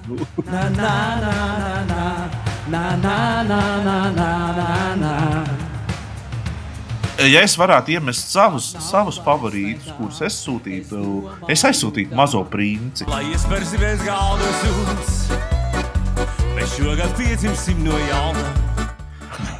Jā, jā. jā. parādīšu Andris, jā, un tāds. Nu, jā, lai ja ir ir. Viņi, Nu, ko? ko tad viņi parodizētu, ko iepriekšējā gada uzvarētāju? Nē, viņiem ir, vien, viņiem ir viena oriģināla dziesma. Viņiem ir viena oriģināla dziesma, ko viņi katru gadu 8. martā dzied. Dzie, dziesmas nosaukums ir Sievietes. Bet tāpat laikā viņi koncertos eh, ļoti bieži uzsver, ka viņi saucējot auditoriju neizpilda oriģinālus darbus. Jā, bet, viņiem nu, nav. nu, viens ir, viens ir. Pēdējais jautājums. Um, un tas, uh, tātad, rekrutē mums ir trīs atkal uh, cilvēki, kuri, uh, viens no kuriem, no kuriem viens nav, uh, vai viena nav bijusi vai bijis uh, uh, dienas pēc šova astoņos. Lūk, tātad tas ir uh, YouTuberis uh, šobrīd Latvijā, es domāju, populārākais YouTuberis ar atrāvienu. Uh, Čāls, kurš uh, daudz runā un, uh, un, un filmē vāģus, un mašīnas, un sportu un vispārējo, kas saistās ar tačkām. Uh, Roberts Vitols, jau Robija Vorks. Um, tad uh, B variants uh, uh, influencerē. Uh, viņa arī ir. Um, uh, kā, kā tu zini, nu, uh, sa, vis, viss, kas ir saistīts ar šīm diētām, diētām un tādām lietām. Uh, Anna Rozīte, viņa arī televizorā šad un tad uh, kaut kāds raidījums vada. Es, tā ir tā pati, Jā. kas uz Playboy vāka pirmā latviskā bija. Ja? Uh, uh, nu vai tad mēs viņai to nepajautājām? Oh. un uh, Kaspars Bindemanis, uh, Kaspars Bindemanis uh, aktieris uh, un um, Dzīves baudītājs. badass. Bērēs, jā, atsakot. Hedonists. viens, viens no šiem trijiem, uh, tātad, kurš nav bijis um, die, dienu pēc šova astoņos? Robija Vorks, Anna Rozīte vai Kaspars Bindemanis? Jā, Bindemans noteikti bija. Es atceros, tur bija stāsts par uh, jūsu ārzemju braucienu. Un, un viņa dalību Rozīte vai Roberts. Roberts, es zinu, ka Kristapam ir ļoti cieņā, tāpēc, ka viņš sako, skatās, kā var tik daudz. Viņam ir jūtas cepurīte. Un kāpēc man Anna Rozīte arī varbūt ir cieņā? Nu, labi, viņa precēta sieviete, bet, nu, Tas bet, nu, tik un tā. Nu, man kaut kur šķiet, ka Anna Rozīte nav pieejams. Un tā ir pareizā atbilde. Anna Rozīte Jā, pagaidām es mums vēl nav bijusi. Tā uz ceram. Siglīts ieraksta, ka tas ir pareizi. grāmatvedis. Nu, redz, nu, cik, cik, tam, cik tam mēs esam labdarībai, kā saka Edgars? Nu, sarēķini. 60. 6 par reizes vienu. 4. Jā, Seši. nu, tā kā. Nu, redzi, klausies, ļoti nopietns. Tev būs pieteikums ļoti nopietns. Mēs, kā saka, mēs, kā saka, Oskara vārdā no dienas pēc šova astoņos noziedosim. Nozie, noziedosim labdarībai 240 eiro. Kā reiz, reiz skatāmies, vēl gads nav beidzies, un vēl vienu labu darbu esam iespējuši izdarīt. Mm -hmm. Bet uh, te nu mēs varētu izdarīt tā, ka mums nekāda baigā citāta no uh, Kaspara Bindemaņa nav, bet reku Roberta Vītola citāts mums ir. To mēs arī paklausāmies, un pēc tam ir Edgars jautājums. Nav svarīgi, piemēram, kādu kameru tu to visu dari un, un cik forši tu grafikus uzliec vispārējo. Tev ir uh, jārada, nu, tev, tev, tu nedrīkst tā kā melot, tev ir jābūt tādam, kāds tu esi. Un, un tas, tās ir tās lietas, varbūt, ko cilvēki pavalkās, jo nu, tas. Uh, Nu, tev vienkārši jābūt īstam. Tā tev, tev tā smukā kamera, tu nevarēsi nomiskēt jā, to jā, kaut kādu jā. pasākumu. Tā kā es domāju, vienkārši es pats un vienkārši smagi strādāju, un viss būs kārtībā. nu, lūk, tā, uh, Roberts un uh, saistībā ar šo jautājumu, Oskar, pēdējais jautājums tev šajā vakarā, šajā gadā, iespējams, pēdējais jautājums nopietnais. Kas ir bijis tavs dzīves lielāko sasniegumu pamatā? Es saprotu, ka tas izklausās pēc autobiogrāfiska jautājuma, ka tu sēdi. Uh, izpušķotā krēslā tev dāvina ziedus un uh, keramiku un tā. Un, un, koka ērgli. Koka ērgli, jā. Un, un tad nu nāk uh, no vietējās ziņu lapas uh, tev jautā, kas ir bijis tavs dzīves lielāko sasniegumu pamatā? Jā. Uh, koka ērgļu sakarā es ļoti silti iesaku visiem, kur nav redzējuši dienu pēc epizode ar Baibu Sitinieci. YouTube vai Facebookā uzmeklējiet, fantastiski, kur viņi stāsta par 50 gadu jubilejām, un tur koka ērglis ir galvenajā lomā. Um, par manas dzīves lielākā sasnieguma pamatu uh, Es uh, ļoti neordināli teikšu, tas ir izglītības ceļš, bet tieši uzsvēršu uz, uz šo vārdu ceļš. Tāpēc, ka, nu, kā, kā kāds noteikti ļoti atzīts un spilgts autors ir teicis, ka izglītība ir tas, kas paliek pāri pēc tam, kad iemācīties ir aizmirsts.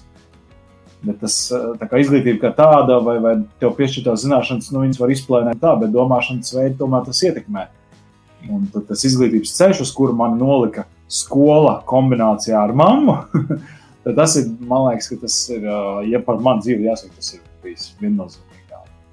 Oi, Oskar, kā es, es šo klausoties, es vienkārši iekšēji gavilēju par to, ka mēs sanācām kopā un uztaisījām to dienu pēc, tā, jo es reku piefiksēju vēl vienu uh, burvīgu vērtību, kas mums uh, vienkārši sakrīt. Nu, tā kā sakrīt uh, pa 100%.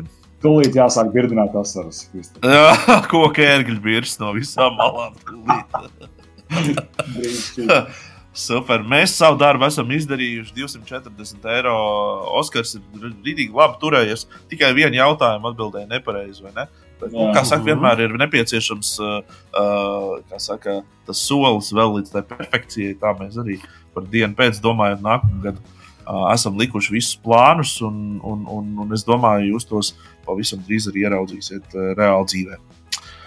Ok, paldies, Oskar. Forši bija tevi sadarboties vecajā gadā, skatāmies uz priekšu, darbojamies jaunajā gadā. Uh, Eglīti, mēs ar tevi vēl drusku paliekam, jo mums ir drusku jāparunā par uh, to, ko mēs esam klausījušies, lasījuši un ko tur vēl pīpējuši. Pīpējuši, protams, jā. Paldies, Oskar. Laimīgi jaunākā, laimīgi aizvadīt, laimīgi sagaidīt un tiekamies nākamajā gadā. Forši, paldies! Tā. Čau!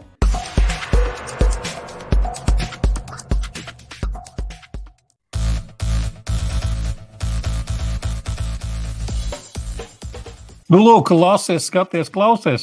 It kā jau loģiski būtu, ja mēs taisītu kaut kādus garos gada topus, un kas nu bija tas krūtākais, ko klausījāmies, un kas nu bija top 10, ko klausījāmies, un kas nu bija top 10 sliktākās lietas, ko skatījāmies, un labākās lietas, un labākā lasām viela. Es baidos, ka visi to dara, mēs vienkārši esam paslīnki, lai to darītu. Tā kā mēs parunāsim par tām aktuālajām lietām, kas šobrīd ir. Bet arī jāsaka, ka e, parasti jau tev, Eglīte, e, kaut kāds gada apkopojums ir par mūziku vai par filmām, cik es atceros. Tad tas parasti ir iznācis un izlaidies kaut kad janvārī vai pat februāra sākumā. Nav tā bijis, ne? Nu, kaut kad ir bijis, kaut kad uz jauno gadu paspēja. Viss jau aiz slinkumu īstenībā, viss aiz slinkumu. Tas var, ai, atkal tas slinkums. Ja tu zini, kā neesi rakstījis visu laiku kaut ko līdzi, kaut kur, nu, tad, tad, tad, tad tas tā. Mhm. Tā kā es nezinu, vai taisīs vai netaisīs, bet vienu es pamanīju, starp citu, domāju, mēģināju izdomāt, kas bija gada filma aizvadītajā gadā. Nu, tā kā nevis 21. bet ā, 20, 20. Un, Mhm. Tā bija pandēmija, tur vispār nav nekā. Tur nekā nav, nekas nenotika. Tas ir tāds gads, kas ir izsvītrots ārā. Jā, es paskatījos savā letterbox tajā kino, tajā saitā, kur vispār kino raksta. Principā lasu. ga, gads ir izsvītrots. Tāda Gads gada nebija. izsvītrots. Labi, pārskatām vēl. Es saprotu, viena lieta, ir, mēs esam skatījušies abi. Principā visi, jo visi par to runā, visi to zina. Lūdzu, Neskaties augšup. Jā, Neskaties šis, augšup. uh, šis bija tāds kā sauklis šajā nedēļā. uh, Ļoti skaļa filma, kura patiesībā Amerikā jau gaidīja kādu laiku. Uh, trailerī tu redzēji, jau man liekas, kaut kad pat, uh, ja es nešaubos, pat novembra vidū vai kaut kad tad. Uh, un un uh, nu, tā ir atnākusi arī līdz Latvijai caur Netflix. Un, man liekas, viņi ir pirmajā vietā stabili ar lielu atrāvienu. Un, uh, Edgars jau ļoti pareizi teica par šo filmu. Šonadēļ runā pilnīgi visi. Nu, Edžiņš, saka, ko tu domā? Noskatījies, un Noskatījos, un man liekas, ka filma ir nokavējusi mazliet. Tā ir vairāk karikatūra, nevis komēdija. Nu, tas ir tāpēc, ka, zini, kā šādu filmu jau tā ātri aizmirsīs. Tas ir, uh, viņi ir aktuāli tieši šobrīd, un viņai vajadzēja iznākt varbūt pirms gada jau. Uh, un tad būtu bijis savā vietā. Laikam nevarēja vienoties ar to superzvaigžņu sastāvu, kas ir šajā filmā. Bet visādi citādi tā aktualitāte ir bijusi bijusi tā kā tāds, nu, skaties, nu, jā, nu, ok, jā, labi, smieklīgi, bet nu, mēs to visi jau esam. Tam bišķī pietrūkst tā ak- aktualitāte, bet, kā saka, labāk vēl nekā nekad. Jā. Un kāpēc karikatūra, nevis komēdija? Tāpēc, ka karikatūras princips principā ir eh, tieši šā brīža kaut kāds aktualitātes atspoguļot. tā kā, no, ja tu tagad skaties kaut kādu 90. gadu karikatūras no, no Dāģa vai no Ņujorka, ne, nu, labi, Ņujorka, ne, Ņujorka tur pārlaicīgas tās karikatūras brīžiem, bet no Dāģa, ja pa kaut kādām sociālpolitiskām lietām, tu skaties, tu īsti ne, neatceries tā kontekstu, tev vairs neliekas smieklīgi. Un tāpēc varbūt šī filma nu, būs tā, kur noskaties aizmirst šobrīd aktuāli. Nu, pēc tam atcerēsies, varbūt ar nostalģiju kādreiz, kā redz, cik stulbi mēs bijām. Zini, man šī liekas tāda gudrais brālēns filmā Idiokrasija. Nu, tāds, bet tāds gudrais brālēns, tāds, tāds, tāds, tāds nu, vai Mhm. māsīts, vai kā pa, par mūviju var teikt. Jā. Es piek, pilnīgi piekrītu tev par to kariķējumu. Es pat īstenībā par to nebiju aizdomājies, bet es tev piekrītu pilnībā arī par to, uh, par to laika nogriezni. Ka īstenībā šī filma būtu piestāvējusi gada sākumā, nevis gada beigās. Um, jo tad, kad mēs visvairāk cepāmies par tām visām vakcīnām un neticēšanu zinātnē un vispārējo, tagad jau faktiski šis ir tāds noriets. Mēs esam pieņēmuši to, ka mēs neglābjam, esam sadalīti divās daļās. Un, un ka tas, tas uh, ga, kaut kādā veidā tas to pasauli līdz galam arī novedīs. Tieši sadalīšanās. Es domāju, ka tā tas ir. Un tas kaut kādā savā ziņā ir neizbēgami. Ir elite, kas ir kaut kāda superelite, kur nu, vienmēr aizlidos. Tur ir Ilana Maska un šitā te. Jā, Es jā, vienmēr jā, jā. aizlidos uz kaut kādu citu planētu un tas slikti dzīvi. beidzās, cik es atceros. Uh, un, un tad, n- un tad uh, ir, ir divas tās uh, nometnes. Abi divi kaut kādi nosacīti tādi, uh, ar, ar, ar kartupeļsku ievirzi. Viena ir kartupeļsku uz uh, savu patiesību un, un, un, un asins pa degunu, bet zinātne, zinātne, un tu traks nēs, un tu skaties uz augšu, un skaties uz augšu. Un atkal otra ir kartupeliska tajā izpratnē, ka uh, pilnīgi noliedz visu, nav nekāda loģika nekam, un skaties uz leju, skaties uz leju. Nekāda mediāna, nekas vidējs, nekas tāds, tāds nu, kā saka, viss ir balts vai viss ir melns. Un šī melnā, baltā pasaules uztvere. Um, es esmu pilnīgi pārliecināts, ka mēs kaut ko līdzīgu pasaulē piedzīvosim. Tā es varbūt pat viņu mazliet Jā, no vienas puses kariķēta, karikatūra un tā tālāk, bet uh, pravietiska varētu būt. Nu, Dievs, pasaka, tādā gadījumā tad tas ir prequels idiokrasija. Ja? Tā kā Mēs varam līdz tādai pasaulē nonākt. Jā, nu, tā kā jā, šī ir filma, ko, protams, visi runā, ka šobrīd ar atrāvienu visos topos ir, nu, pirmkārt, jau tas saku, zvaigžņu nakti, aktieru sastāvs ir vienkārši kaut kas tik kosmisks, ka es vēl tā īsti nezināju, kas šī par filmu. Es jau atķeksēju, jau viņš listē, ka, ka viss tas ir jāskatās vienkārši tāds zvaigžņu sastāvs vienā filmā bieži negadās. Tas tā tāds labdarības akcijas. Labdarība. Jā, es domāju, ka viņi visi sanāca kopā un teica, vai uztaisām kaut ko pret to trumpismu un visiem tiem sūdiem. Un, un, un, un, un, un, Helēna Mirē. Un visu. Nē, nu, man ļoti patīk īstenībā Leonardo DiCaprio savā lomā. Nu, bija ļoti precīzi tāds, tāds zinātnieku tāds attai, attainojums, tāds nu, vidēji aritmētiskais. Nē, tur viss principā bija. Visi bija savā lomā. Vismaz varbūt Merila Strīpa kaut kā uh, liekas, ka viņa to Merila Strīpa nevis atražo, atražo visu laiku tā, tās histērisko prezidentu. Man liekas, es kaut kur vēl tādās pāris lomās viņu esmu redzējis. Un, un, un, un, un, bet visādi citādi tur, protams, viss ir lieliski nostrādāts un, un, un katrs ir ko vērts. Pat, pat, pat, pat Ariāna Grande, ja, kas nav fonds, bet ir dziedātāji, arī diezgan labi bija un diezgan, diezgan precīzi izņēdz kaut kādas zināmas paudzes to popzvaigznīšu, visu šo hype. Tas bija. Principā tur viss ir labi. Jā, tā kā žēl tikai, ka to filmu. Nu, Pavisam drīz aizmirsīs. Bet varbūt no otras puses tas ir pat labi. Tas viss sūdz pāries, un, un, un, un tad varēs skatīties. Labāk zin, dzīvo tādā pasaulē, kur, kur, kur, kur, kur tu skaties šo filmu pēc pieciem gadiem televīzijā un domā, par ko tur vispār bija, nekā, nekā aizlidos planēta, kur tev Nu, jā, labi, nespoiļosim beigas. Labi, jā. tā. Labi, un ir vēl viena filma, par ko visi runā. Uh, Matrix, Matrix 4. Ceturtā matrica ir ārā. Nu, uh, jā, jā, jā, lielais vairums saka, ka filma ir sūds, filma nekam nedara. Tas nebūs tik krūta, tā nav tik krūta, kā bija pirmā, bet paklau, pirmā filma bija 99. gads.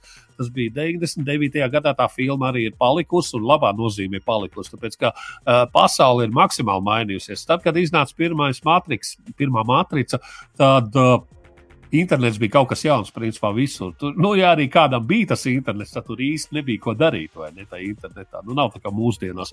Jā, tā kā jā, jā. tas viss tā, tā sliekšņi, tā, tā sapratne par to realitāti, par to, to, to kaut kādu realitātes būtību, kas, ko, kā, kas, ka mēs visi varam būt kaut kāds kods, nu, viss tā matricas ideja, tas bija jauns, svaigi un viss forši. Protams, pēc tam bija, bija turpinājumi, kas tur atkal var strīdēties, vai tas bija domāts vai nebija domāts. Tobrīd Brāļa Čovska pateica, ka jā, tā ir triloģija, tas jau pašā sākumā tā bija izdomāts domāts. Nu, protams, kā 18 gadus internetā klīd visādas teorijas, kāds bija īstais scenārijs un ka tas viss nebija pareizi un kā tur īstenībā bija jābeidz. Redz, ka ir 4. matrica. Un jāsaka, es esmu no tiem, kas uh, esmu filmas pusē. Man patīk, jo pasaule ir mainījusies. Mūsu sapratne par internetu ir mainījusies, mūsu sapratne par kaut kādām virtuālajām telpām ir maksimāli mainījusies. Tas, kā mēs 99. sapratām, nu, tas ir principā tagad, skatoties, mēs bijām viduslaiku līmenī, vai ne? Sapratne par internetu, par kaut kādu virtuālo telpu, par kaut kādām tādām lietām. Tā kā te viss pa lielam ir forši, labi, mazliet mulsinoši. Varbūt ir tā, pēc, pēc 18 gadiem redzēt atkal šos te, uh, šīs pašas vecās sejas jā, kur, kur, kur bet, nu, 20 ir, gadus vecākas. Jā, ir kārtībā viss. Nu, zini, kā, arī nu, nav, nav tā revolucionārā sajūta. Pietrūkst tas uh, matricas specifiskais zaļais tonīts, bet, ja mēs atceramies, kā beidzās trešā matrica, kad uzaus rīts, kas bija jau pilnās krāsās, bez tā zaļā toja, tā kā principā matrica matricā varēja dzīvot un viss. Kaut kā tēla atgriežas daudz, ir ļoti daudz references uz iepriekšējām trijām filmām. Nu, tā kā pašā sākumā tu domā, pagaidi, pagaidi, viņi tagad kadru pa kadram ir pārfilmējuši to, to, to, to filmu. Kas notiek? Kas, kas, kas, kas, kas, kas. Es pagaidu, es neesmu sajaucis, nezinu, filmas, es neskatos pirmo, ah, nē, neskatos gan. Jā. Nu, tā kā, tā kā, un zini, kā, šī būs filma, par ko vēl baigi ilgi un daudz spriedīs, tagad, ka pāries arī. Vienīgā problēma, kas ir matricai, kāpēc par viņu varbūt tik daudz nerunā, tāpēc, ka viņi iznāca reizē ar Marvel, ar, ar, ar Zirnekļa cilvēku jauno. Un, nu, jā, Spider-Man, jā. Jā, Spiderman tā kā Spiderman vienkārši apēda publicitātē un visā šitajā nu, lietā. Tā kā nu, neveiksmīgi varbūt tas taimings sakrīt, ka divas tādas lielas lietas iznāk principā vienā dienā. Bežmaz, jā, tā kā. Un, nu, tā, bet šo vēl daudz spriedīs, pārspriedīs. Es domāju, nereiz vien vēl mēs kaut kur varēsim lasīt un blogos dzirdēt, un, un, un, un tas būs daudz. Klausījies kaut ko? Jā, es uh, atkal šo to padarīju šajā nedēļā, lai arī tā tāda klusāka nedēļa un mazāk darba, bet tāpat fonā jau kaut kas vienmēr skan, un tad gribās, uh, lai skan kaut kas tāds, kas nav piesātināts pilns ar vārdiem, ar dziļām domām, bet ir tāds vairāk vai mērā mazāk melodisks. Bet tad jau, protams, Tā vispār tad klausies. Tu zini, tu ļoti līdzīgi kaut ko norakstu, es arī kaut ko tādu darījis šajā nedēļā. Bet pirms mēs pieķeramies klāt, es gribētu noslēgt to mūsu ciklu, kā arī es Ziemassvētku vakarā zaudēju Ziemassvētku kaujā, Wham! Last Christmas. Nu, es, principā, es principā jau apzināti izbāzu galvu virs ierakumiem, jo uh, pašā tajā 24. vakarā virtuvē tur servējot tur piparkūks un ko tikai nē, ja, es ieslēdzu vietējo rādio. Nu, protams, protams. Nu. No tā nevarēja izvairīties. No, Nu, t- es zināju, kā agrāk vai vēl tas dažās stundās notiks, un tas arī notika. Tā kā arī es esmu kritis pašā Ziemassvētku vakarā. Labi, es varētu teikt, ka es esmu uzvarējis. Es esmu Principā, uzvarējis šogad, jo tu esi neesmu uzvarējis, joprojām jo tu- dzirdējis. Vai ne? Joprojām neesmu dzirdējis. Nu, tā. Nu, redz, es toties, tā vairāk varbūt sanāca klausīties Oasis, kas galīgi nav par Ziemassvētkiem, nu, bet tas Newborns, ne, kā to, kā to vietu izrunāt? Nebor-. Neborpa. Nebort. Es no tā brīža, kad par tādu vispār dzirdēju, kad Arts jau arī, starp citu, mums te vasarā kaut kad stāstīja par šo filmu, bet tagad ir arī tīklos, nu, Spotifyos un, nu, man Spotify, citiem citi, ir arī šis te albums, ir ārā, tā kā to pavisam legāli var klausīties, un, un, un jā, nu, tā kā es klausījos trošķotājs, var atcerēties savus alkoholizētos 90. Alkoholu. Ah, jā. nu, šis ir tas, ko es, ko es klausījos fonā. Ā, Neteiktu, ka es vispār kaut ko zinu par šo muzikālo apvienību. Man iepatikās albuma pirmā dziesma, un zini, kā bieži vien ir, tad, kad tu uzliec pirmo dziesmu, un tev uh, ir ķīmija pirmajās 20, 30 sekundēs, tu dod iespēju. Tad, Ah, kad jā, tu dod iespēju, bieži vien tu vienkārši aizmirsti, ka tev viņa fonā skan. Un tad tu pieslēdzies un sāc klausīties kaut kādu septīto dziesmu pēkšņi. Un tu saproti, ka tu esi noklausījies visu to albumu. Viņš tevī kaut kā ir iepeldējis.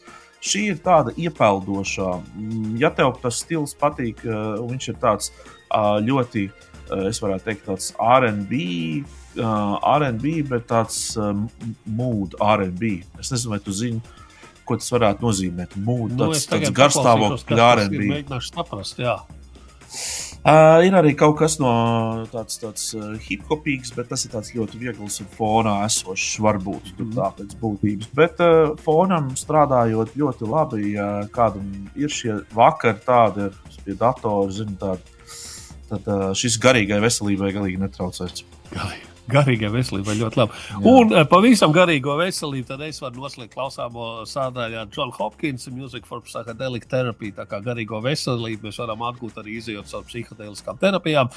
Johns Hopkins tāds nopietns vīrs, viņš arī ar Brianu Ino ir savā laikā sadarbojies pāris platēs pie Briana Ino. Un, ne, tur viņa vārds arī parādās. Un Kā, uh, tas nav nekāds mazais bērns, kas saka, jā, un, uh, Nopietni viņš ir iedvesmas gūs kaut kur Ekvadoras kalnos. Ekvadorā ir kalni, jā.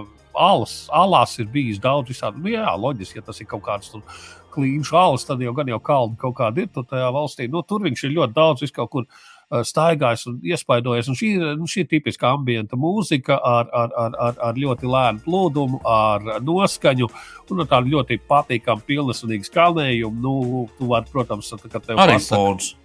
Arī Tad- fona mūzika. Arī fona Arī fona, mūzika, jā, arī fona jā. mūzika, tad, kad, kad, kad saka, psihiski metālās veselības saglabāšanai pēc visiem last Christmas un visiem šitiem. Jā.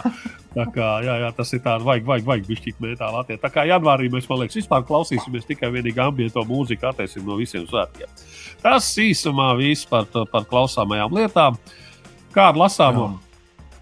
Kā tev Nu, lasīja? Man, es lasu, bet es lasu lēni, un es lasu vairākas lietas atkal vienlaikus. Man ir Never Nu, Split the Difference, tas no Krista Vosa, ko es pagājušajā reizē uh, pieteicu. Un, uh, un ko es esmu baigi pasācis darīt pēdējā laikā, man ir parādījusies tāda. Ziemassvētku vecītis man uzdāvināja šī tāda remarkable uh, planšetīte. Tāda.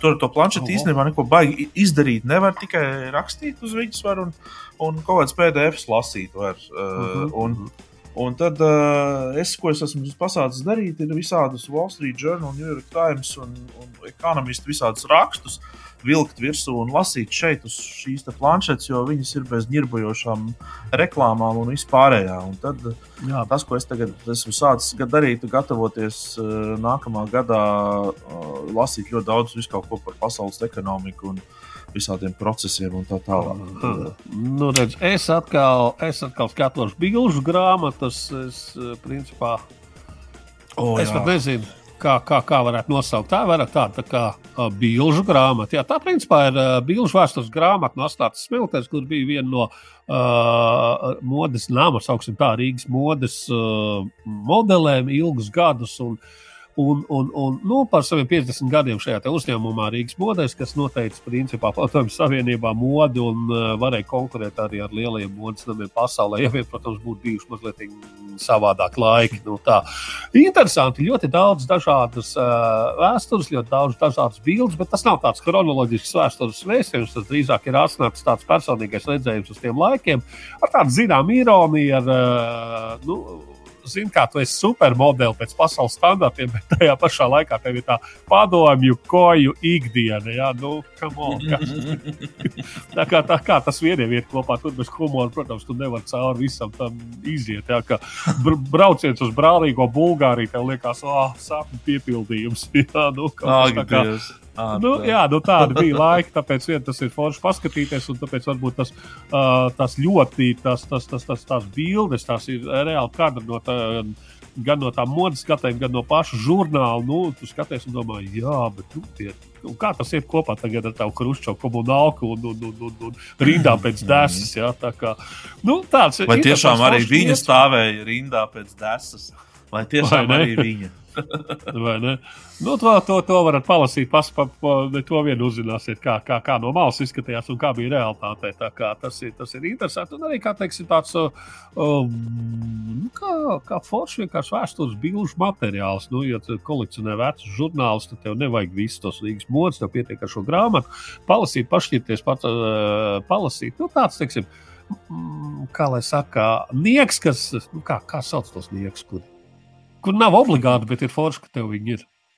Jā, nu tāds, nu, tāds grā, zin kā, pilns reklāmas aģentūras ir ar tādām grāmatām, kur ir bilžu grāmatas, kur tu saliec viņus vai ne, un tāds, kā saka, tu tā pieeja, paskaties, it kā nekāda baigā dziļuma nav tajā grāmatā, bet tāds skaists katalogs. Jā, jā tieši tā, tieši tā. Tieši tā, tieši tā. Skaists tās katalogs ar mazliet tādu vēstures šādu piesitienu. Un, un, Vienkārši patīk, ka pavadīts laiks. Kā, uh, es, es, es teicu, ka es mammai uzdāvināšu to grāmatu, bet es vēl to neesmu izdarījis. Tā kā laika jautājums. Vai ne? Nē. Nu, tā, tas arī viss īsumā šajā reizē par skatāmajām, klausāmajām. Lasām!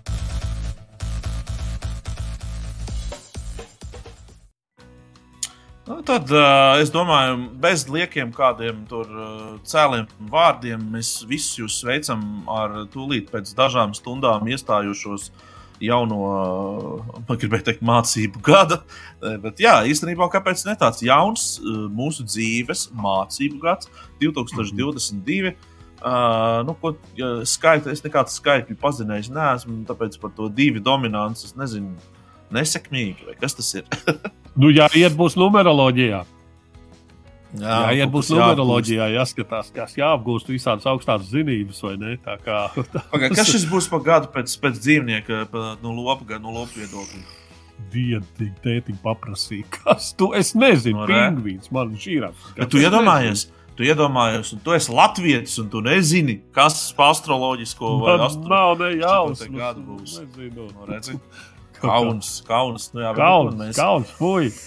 Nu jā, Es arī visiem nesekoju tiem, kur līdzi. skatās ne gluži 31. tad priecīgs paģiras jums. Nu, un, un, un, un, un, Cik lai nu mēs varam izdevies. Vai ne? Lai nu izdevies 2, 22. Tā kā tā. Jā, tā kā, un cerams, ka, uh, nu jā, suņa gads tas toči nav.